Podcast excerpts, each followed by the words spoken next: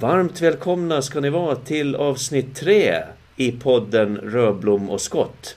Det är Alfons Röblom och Erika Skott som eh, är talespersoner för det åländska partiet Hållbart initiativ som för resonemang om olika hållbarhetsfrågor i högt och lågt.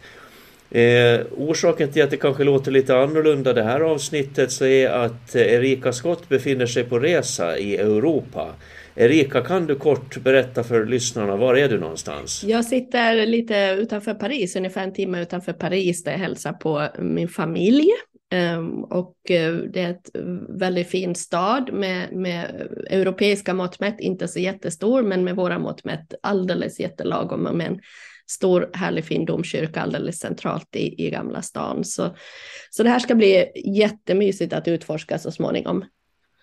Okej, vi börjar med första, vår, vår första programpunkt i, i det här avsnittet. Veckans nyhet. Vattendagen är ute på remiss nu. Landskapsledningen har skickat eh, det, detta enorma eh, lagförslag ut på remiss. Eh, det var 197 sidor långt tror jag det var någon som hade räknat det till. Och, och, och, eh, det här är ju någonting som Hållbart initiativ jobbar väldigt mycket med under tiden vi satt i regeringen. Det, det, det, det vattenlagen var ju på, på mitt ministerbord och det var minsann eh, en, en, en, en, det är minsann ett ordentligt eh, lagstiftningspaket. Eh, Erika, vad är din relation till processen med vattenlagen så här långt? Ja, det har ju blivit som en liten babys kan man väl säga när man jobbar med någonting under många år. Och eh, arbetet hade ju inletts redan innan vi kom med, men vi såg också att det fanns stora, fortsättningsvis stora frågetecken och, och så där. Ambitionsnivån var högt satt, men, men hur det här arbetet riktigt ska gå till i praktiken så att det blir, att det blir bra för dem som nyttjar vattenbruk eller som är ägare av olika former av vattenbruk, att det blir bra för, för tillsynsmyndigheter och att det blir bra för ja, all, alla som sen, att man ser resultat också av den här lagstiftningen i våra vattenområden. Så, så det är ju liksom lite knöligare sen att, att se hur får vi till det i praktiken. Absolut, och när vi kom in i regeringen då 2019 eh, 2019, i december 2019 och, och, de veckor som följde där så fick vi ju ganska direkt frågor. Ja, hur blir det med vattenlagen och vad händer med vattenlagen då?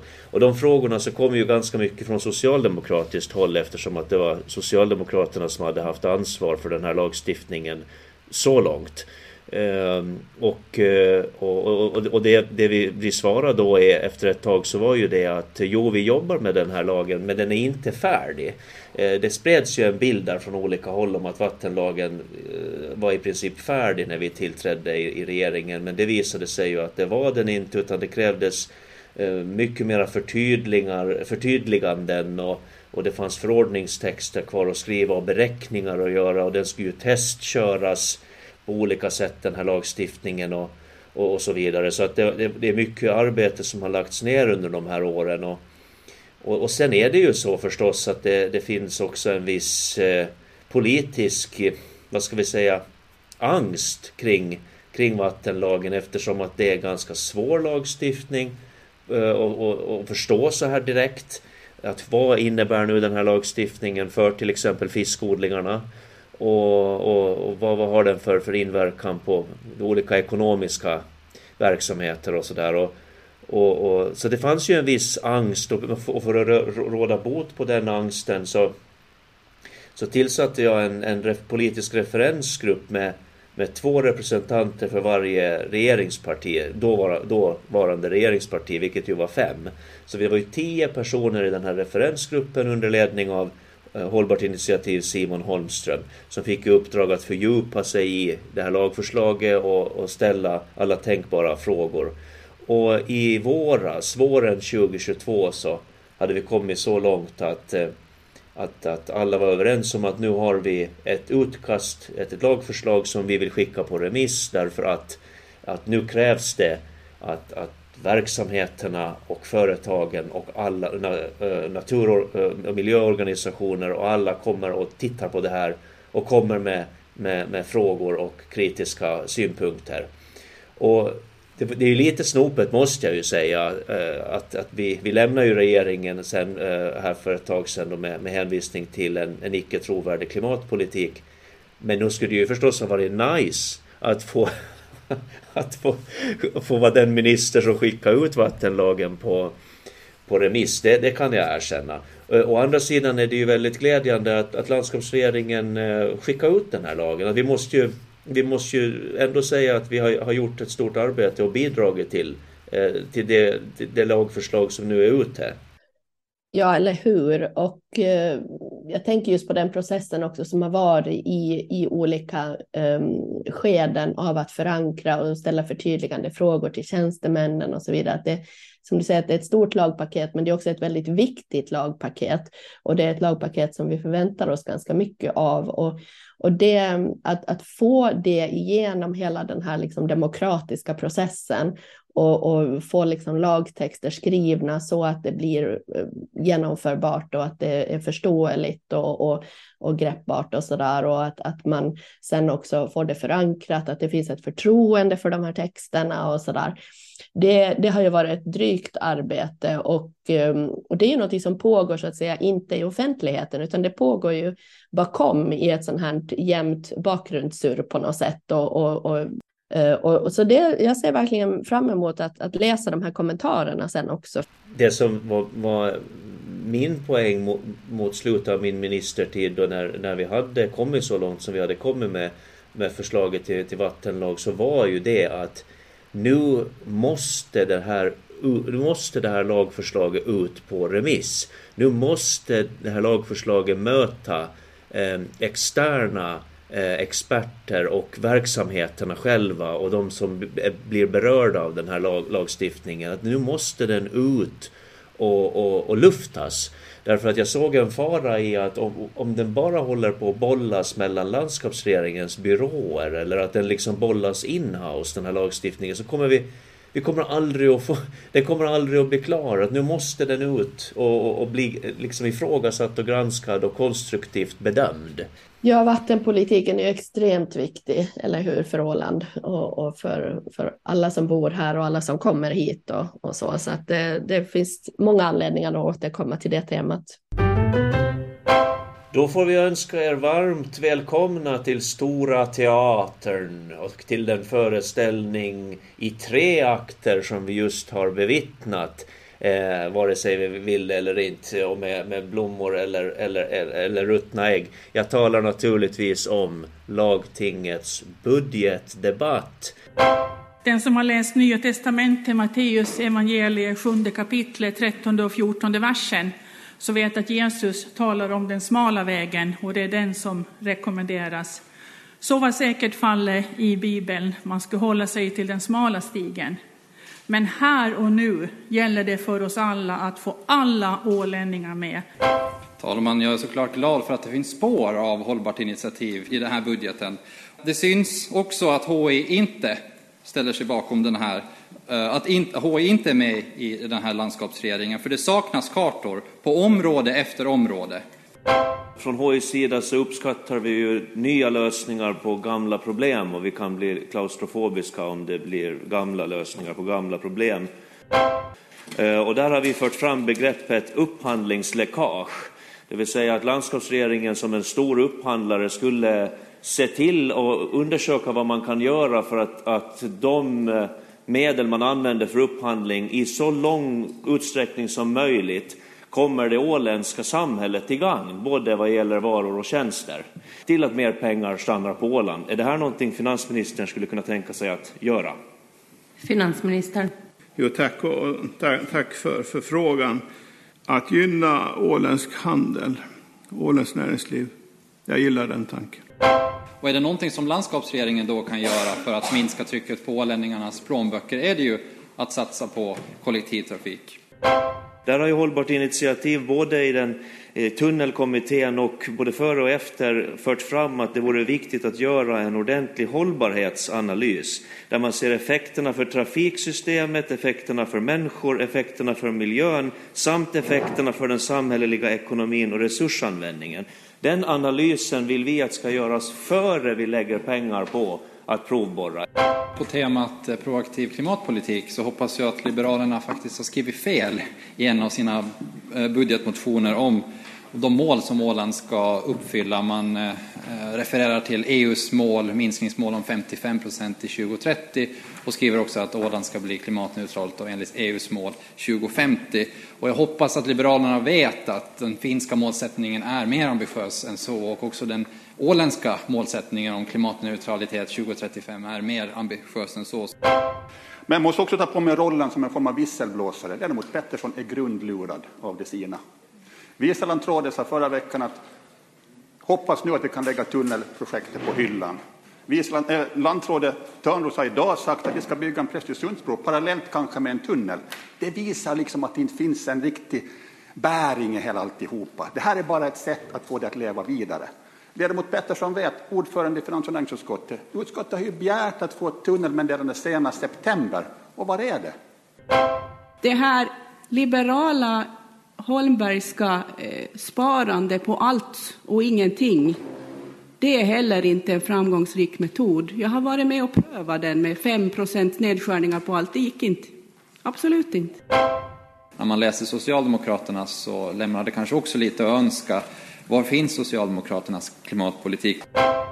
Och det kan jag säga att under min tid som utvecklingsminister, som ju under de, under de här åren ändå har inneburit en hel del kontakter med företagsledare och sånt inom grön energi till exempel, så har det blivit så tydligt för mig att när det gäller företagen, främst de större, och när det gäller investerare, främst när det handlar om mycket pengar, så är det här med att ha strategiskt arbete i klimat och miljöfrågor, det är någonting de tar för givet att det, måste, det vill de också ha hos sina partners, i det här fallet Åland. Så att jag hoppas att när, när, när ledamoten Ville Valve talar om ett bra företags och näringslivsklimat på Åland så finns också det med i strategin och tanken.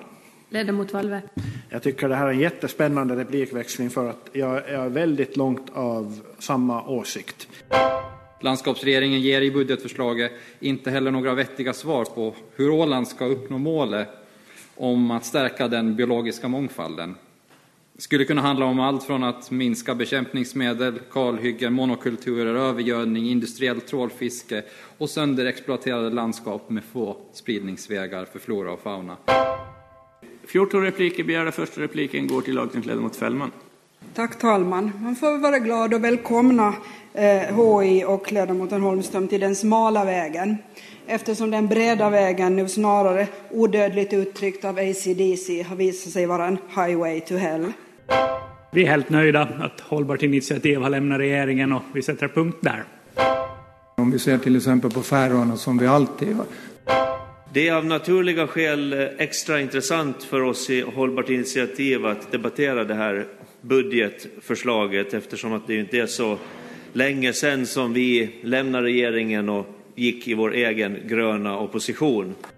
Med tanke på dagens energipriser är dörren öppen för att göra kollektivtrafiken till en mer naturlig del i ålänningarnas vardag.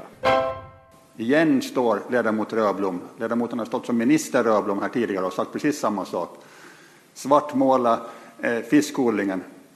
Ser ut som det skulle vara ett, ett tyst kolkraftverk som står i talarstolen när han pratar om fiskodlingen. Är det fiskodlingens fel att vattentäkterna på fasta Åland mår dåligt? Är det också fiskodlingens fel? Migrän orsakas av en genetiskt betingad central sensorisk överkänslighet. Alltså med den mängden pengar som, som vi här från lagtinget ger till skärgårdstrafiken per år så, så räcker det ju inte med att bara säga att eh, Ja, men vi gör bara. Det, det är liksom, ni, ni, ni har varit i skärgården tillräckligt mycket för att veta om hur det här ska göras eller det här, det här vet nog vi, det hur ska göras det. En omställningsplan behöver ju inte, ska ju inte vara fluff och puff och bara en massa fina ord och krumskrimskrams. Det ska ju vara ett levande strategiskt dokument där man, om man behöver justera någonting så justerar man i det och då ser man också vad som händer sen i, i andra delar av den här, den här planen. I dagarna tre så har vi för ett tag sedan här eh, debatterat landskapsregeringens förslag till budget för 2023. Och jag gjorde en snabb eh, koll här att det var väl ungefär 20 timmar som vi satt och debatterade sammanlagt om jag inte har räknat fel. Eh, och landskapsregeringen har, har ju då lagt ett förslag till budget för Åland för 2023. Och sen till det förslaget så inkom det då 85 budgetmotioner eh, innehållandes ännu fler eh, förslag. För vissa motioner innehöll ju flera förslag. Och av dessa 85 så var Hållbart initiativs lagstingsgrupp upphovsmän till 34. Eh, och det är ju lite häftigt. Och där, där, kan jag ju säga som så att... Och det, det jag säger är häftigt så menar jag inte att det är häftigt med... Kvantiteten är inte häftig utan jag tycker faktiskt att vi lyckades eh, prestera eh, motioner som, som, eh, som, som är görbara och realistiska och viktiga.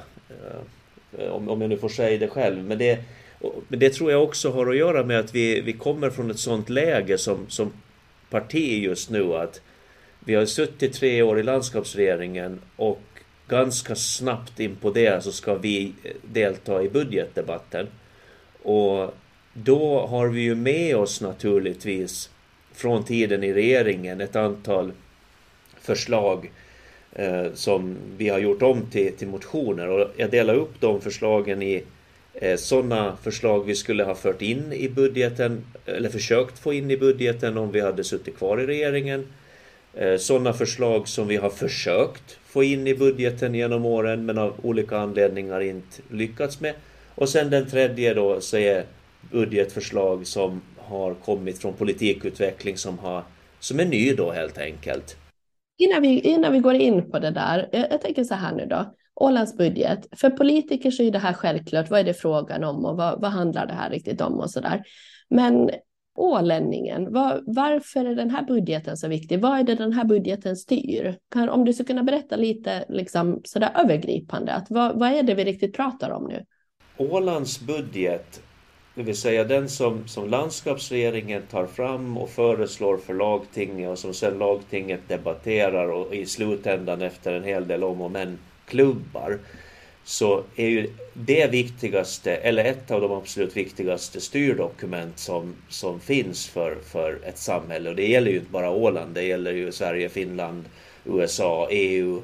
Det är i budgeten som man eh, fördelar eh, vart pengarna ska gå. För de offentliga pengarna som, som är satt till lagting och, och regering att, att fördela. Det, det är i den, det dokumentet man bestämmer hur mycket pengar som ska gå till sjukvården och hur mycket som ska gå till, till kommunikationerna och till utbildningen och så vidare. Så det, det, det, det är mycket pengar. Men det är inte bara pengar heller utan i budgeten så skriver man också in vad regeringen vill göra under året.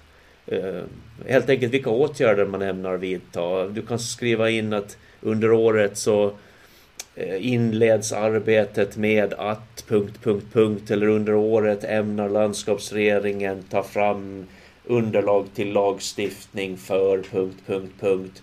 Eh, under året ämnar eh, landskapsregeringen byta namn på det här till det här. Alltså det kan vara smått och stort. Smått och stort som man då, i, med, som man då för in i budgeten för att lagtinget ska ha möjlighet att säga okej, okay, gör så här.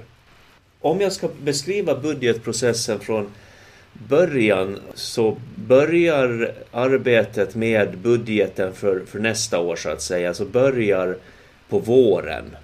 Så att om vi nu tar då budget 2023 som exempel så börjar arbetet med den budgeten våren eh, 2022. Eh, med att alltså inom avdelningarna, landskapsregeringens olika avdelningar, så börjar man samla in material och man är i kontakt med underliggande myndigheter och man för dialoger och diskussioner. Och den delen av processen kan jag av naturliga orsaker inte i detalj, men, men det börjar under, under våren och då har man också som minister möjlighet eh, att komma in med inspel, att jag funderar om vi skulle kunna ta ett sånt här initiativ eller vad tror ni tjänstemän om vi skulle kunna tänka så här i den här frågan eller borde vi ta med i budgeten att vi, vi funderar på att göra det här arbetet och så där vidare. Då kommer man med lite inspel och, och som jag jobbar då, om vi nu tar senaste våren då, så, så såg jag ju till att ganska tidigt också involvera lagtingsgruppen och, och, och, partiet i den här processen så att, att vi skulle liksom få in det vi nu tyckte att vi ville få in i budgeten.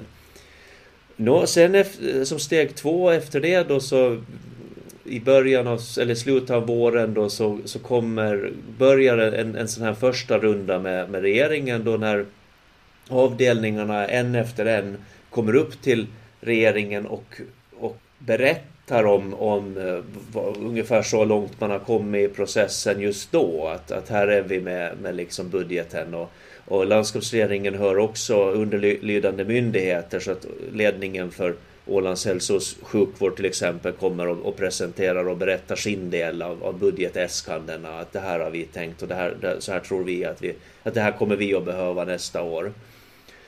Och sen så, så sen träffas regeringen i, till en eh, budget eh, vad ska vi säga, ett budgetseminarium sen på hösten där man får allt material presenterat för sig och, och sen eh, börjar förhandlingarna eh, mellan ministrarna. Att eh, man går igenom budgeten från perm till perm och så ställer man frågor att vad är det här för någonting och behövs det så här mycket och men om vi, gör, om vi, om vi tar bort det här kan vi göra det här istället. Och så, och så går man igenom budgeten från perm till perm.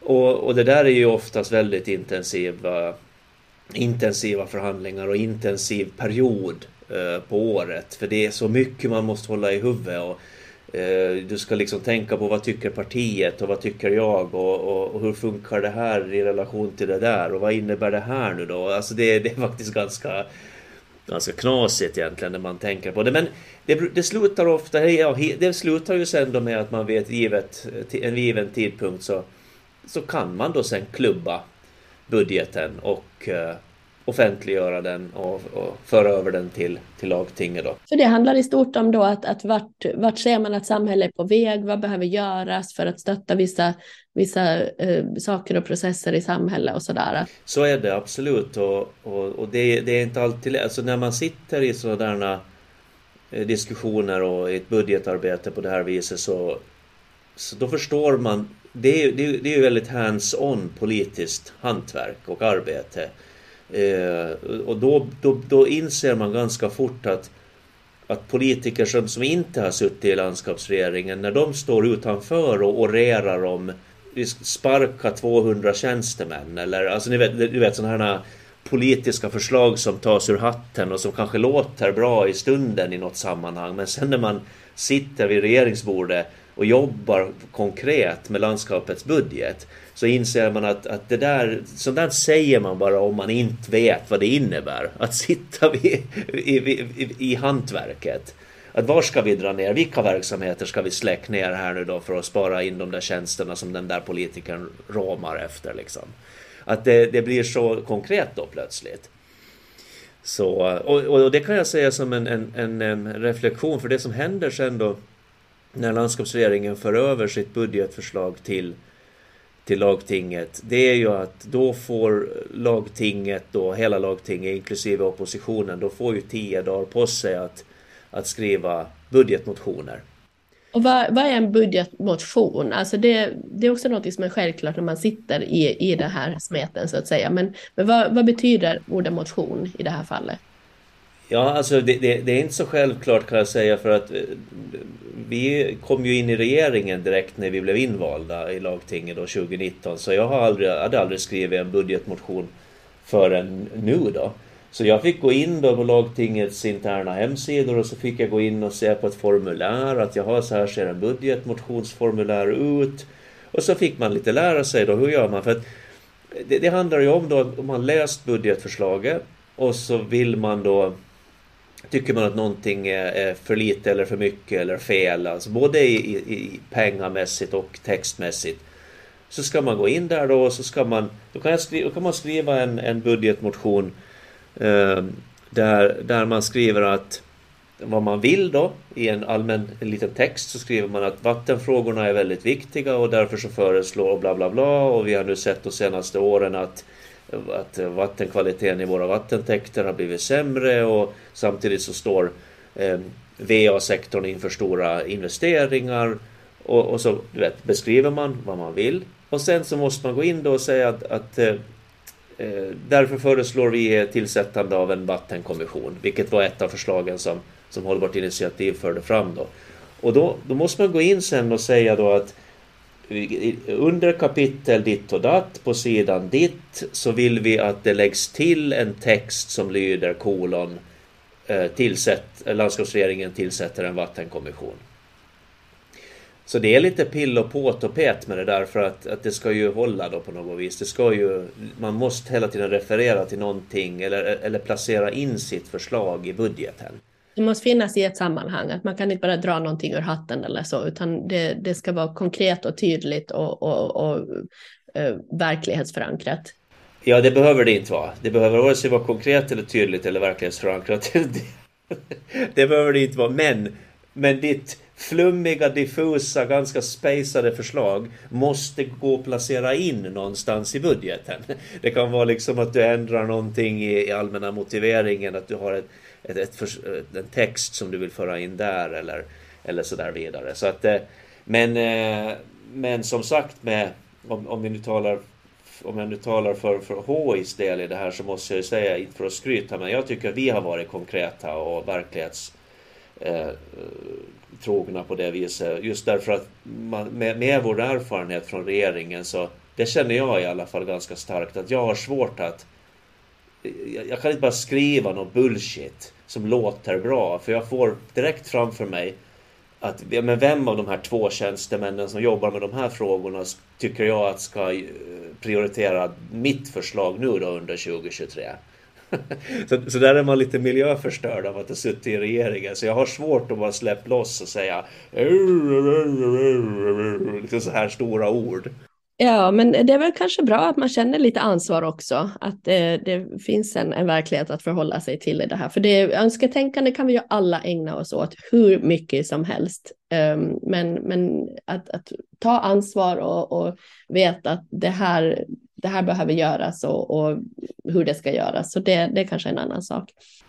Ja, det är absolut och jag, och jag, håller med och det är det som jag tycker är så häftigt för, för oss då i Hållbart initiativ att när vi har suttit tre år i regering det är väldigt få eh, partier som gör det sin första period i, i vilket parlament som helst.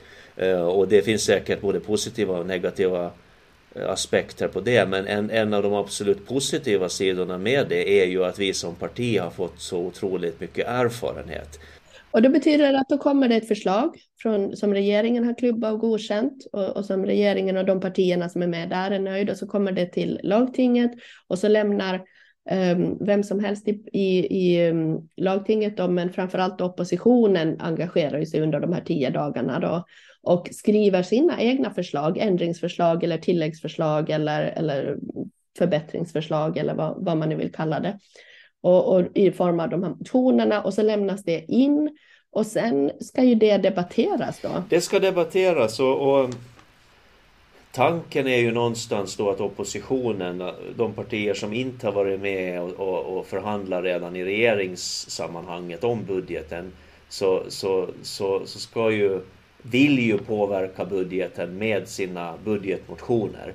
Eh, sen är det tyvärr, kan jag säga faktiskt, så eh, att det har blivit en del av systemet att det är extremt sällsynt att eh, en motion från, från oppositionen godkänns.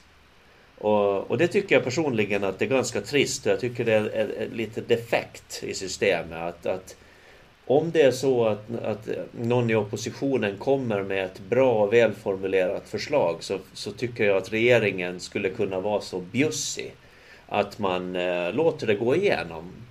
Men, men som sagt, jag använder också ordet bjussig därför att, att då det, ger, det innebär ju förstås då att man ger de politiska motståndarna, om man, så, om man uttrycker sig onödigt skarpt, eh, en vinst eller en fjäder i hatten och det är man inte alltid så, så villig att göra eh, förstås i, i politiken. Det kan ju vara ganska tufft ibland. Men, men jag tror att den främsta orsaken att man inte släpper in oppositionens eh, Eh, idéer i budgeten lättvindigt så är ju det att budgeten är ju en helhet. Eh, och, och, har ju arbetats med som sagt under många månaders tid och det, det har gjorts övervägningar på alla tänkbara nivåer och, och, i, i, och hörts med myndigheter och, och, involverade för att komma fram till det som sen blir då regeringens förslag och då, då är det ju klart att det är inte, det är ju inget, det är inte hur lätt som helst att bara gå in där via en motion och ändra någonting för då kan det få så dominoeffekter på annat. Va? Så att det, är, det är mycket det som gör att man inte släpper in. Liksom. Men, men det finns ju fall där man skulle kunna göra det och där tycker jag man skulle kunna göra det oftare. Precis, och det handlar lite om att kanske um, komma åt en, en kultur där man, där man både från oppositionen och regeringen liksom kan kanske vara lite mjukare om man säger så i de här kanterna då. Och det betyder också då att om oppositionen får igenom någonting så då, då att man inte genast börjar slå på stora trumman och säga ja men nu har vi varit med och styrt budgeten och regeringen är oduglig och så vidare. Att, man, att det inte blir så väldigt stora ord direkt för då blir det ju genast mycket svårare att, att gå varandra till mötes och så där. Jag tror att det är en tillit. Jag, jag, jag tror absolut att det är en tillitsfråga för att för att eh, man, man litar inte, precis det som du är inne på, man litar inte på motståndaren utan man tror att, det, att ger jag det, det här lillfingret nu så kommer de att börja gnaga efter hela armen på något vis och jag kommer att få tillbaka det och jag kommer att få smäll på truten och jag, jag binder ris på egen rygg och så vidare. Så att det, det är en tillitsfråga och jag, jag kan nämna ett exempel faktiskt som är ganska konkret. Redan för 15 år sedan kanske? Ja, det är väl 8, 10 någonting. Ja, länge sedan i alla fall. Så satt jag på en middag med en, en, en framträdande, då framträdande erfaren åländsk politiker. Och så, och, så, och så blev vi att diskutera eh, eh varför regeringen, alltså ministrarna i Ålands regering inte har någon som helst eh, politisk, mm, har inga politiska medarbetare. Eh, I alla andra regeringar världen över så har ju ministrarna någon slags assistent eller en statssekreterare eller en politisk sakkunnig eller vad som helst, pressekreterare, you name it. Men, men de åländska ministrarna har, har ingenting sånt. Och då sa den här personen till, till mig att alla partier som har suttit i landskapsregering vet att det här behövs. Men inget parti vågar föreslå det i en budget. Därför att man då är övertygad om att de som då sitter i opposition kommer att skjuta på det där och se det som en lågt hängande frukt för att ge kritik. Att jaha ja, nu ska de bygga ut sin egen stav. Jaha, det ska gå mer pengar till, till ministrarna och deras arbete. Jaha, andra ska spara men ministrarna ökar nog dem. Man, är helt enkelt, man ser den där vulgärdebatten komma som på posten. Och, alltså, och alla vet, alla som har suttit i landskapsregering vet att det här behövs. Men ingen vågar göra det. Och det tycker jag är ganska bra. Det är ett ganska belysande exempel. Då är frågan, vad tyckte du att var klokast då? Klokast, ja det är klart att då vill man ju säga alla sina egna inlägg. Men det jag tycker var klokast, det är faktiskt om jag samlat tar de politiker och partier som under debattens gång hela tiden lyfte att det, att, att det är viktigt med strategiskt arbete. Det tycker jag att, att ett strategiskt arbete, det, det, är det som gäller framåt i, istället för fix och tricks och ad, ad hoc och dra över hatten politik. Precis. Och på den eh, noteringen, vad tyckte du att var roligast?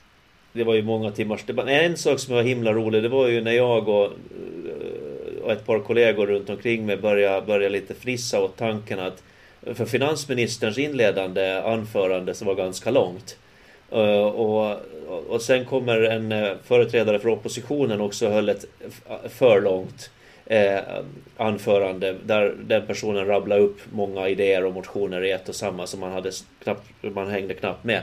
Och då började vi skoja om vi skulle ge ut en gammal, gammal klassisk LP-skiva där på A-sidan så är finansministerns anförande och på B-sidan så är den här ganska långrandiga oppositionsföreträdarens anförande. och så skulle man försöka göra det till till årets julklapp. Vårt avsnitt börjar också närma sig sitt slut, men, men jag tycker det vore viktigt att vi tar nu och ägnar en liten stund åt eh, den respons som vi fick på förra avsnittet. Då eh, uh, diskuterade ju vi, då förde vi ett resonemang kring bibliotekens roll i, i samhället och om man kanske kunde i ett hållbart samhälle eh, låna andra grejer och göra andra grejer på biblioteket än vad vi, än vad vi nu kanske förknippar det med, vilket ju mestadels är, är böcker. Och då skrev vi, vi döpte ju det här avsnittet till Ja, vad var det? Ska man kunna låna lövblåsare på biblioteket? Frågetecken. Och, och, och, vi fick faktiskt mycket respons på, på det här, eh, vilket är jätteroligt. Vi, vi, har, vi uppmanar ju alla som lyssnar att, att komma med respons och kommentarer och frågor och tips och idéer i, i kommentatorspåren. Men, men, men det som var intressant här, det var, var det någonting som satt eld i folk här tydligen i, och, och gjorde folk heta i, i debatttagen så var det just eh, att vi, att vi nämnde lövblåsare. Det tog fyr det, för, för där var det, alltså det, allt från att det var nog den mest onödiga eh, maskin som någonsin har tillverkats och det, den ska förbjudas. Åtminstone om de drivs med, med fossil, fossila bränslen. Varför ska man göra, varför ska man använda lövblåsare när man kan använda en kratta och så vidare och så vidare. Um, till och, och, att det finns redan att hyra på, eh, på precis, marknaden. Precis, till, till, att nej, biblioteken ska inte låna ut lövblåsare därför att det går faktiskt att hyra på privata marknaden. Så det skapar ju en, en diskussion det här att vi använde, överhuvudtaget nämnde lövblåsaren. Sen, sen kanske flera av dem som valde att debattera lövblåsarens vara eller inte vara, de kanske inte hade eh, lyssnat igenom hela vårt, vårt resonemang i avsnittet i själva podden. För att där var ju lövblåsaren, det var ju inte det det handlade om i sig, utan det tog ju, det tog ju jag ur hatten som exempel på någonting som en märklig grej man kan äga men som många ändå äger istället för att om man nu då med våld ska ha en lövblåsare så kanske man skulle kunna låna den istället då. Eller hur ja. Och samtidigt när vi tittar på kommentarerna och läser igenom dem och sådär.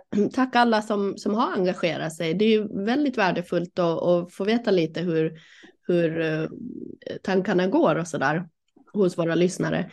Och eh, där var det också många som samtidigt byggde på lite det, det som vi hade lagt ut i podden och, och just kring det här med fritidshus till exempel, att, att det är ju ganska stora investeringar och att ett, ett samnyttjande på något sätt så i högre utsträckning än idag så, så känns liksom vettigt ändå. Och allt ifrån det till att, att för barn och unga så skulle det också vara väldigt bra med, med till exempel att man får under en viss tid låna eller hyra idrottsutrustning istället för att man ska måste köpa och investera man kanske inte riktigt ens vet om, om det är, är möjligt att, att liksom fortsätta med den här sporten eller så, eller man vill bara testa någon gång. Och, och då är det ju roligt att se att, att till exempel Ålands idrott har ju någonting som de kallar för, jag tror att det är idrottsbanken, men någonting liknande. Det, det ger i varje fall en känsla av att vad det är man vill åt. Att där man som privatperson och, och har kunnat lämna in mm, idrottsutrustning som inte används längre då, där skridskor och skidor och, och allt möjligt som man sedan har möjlighet att låna då.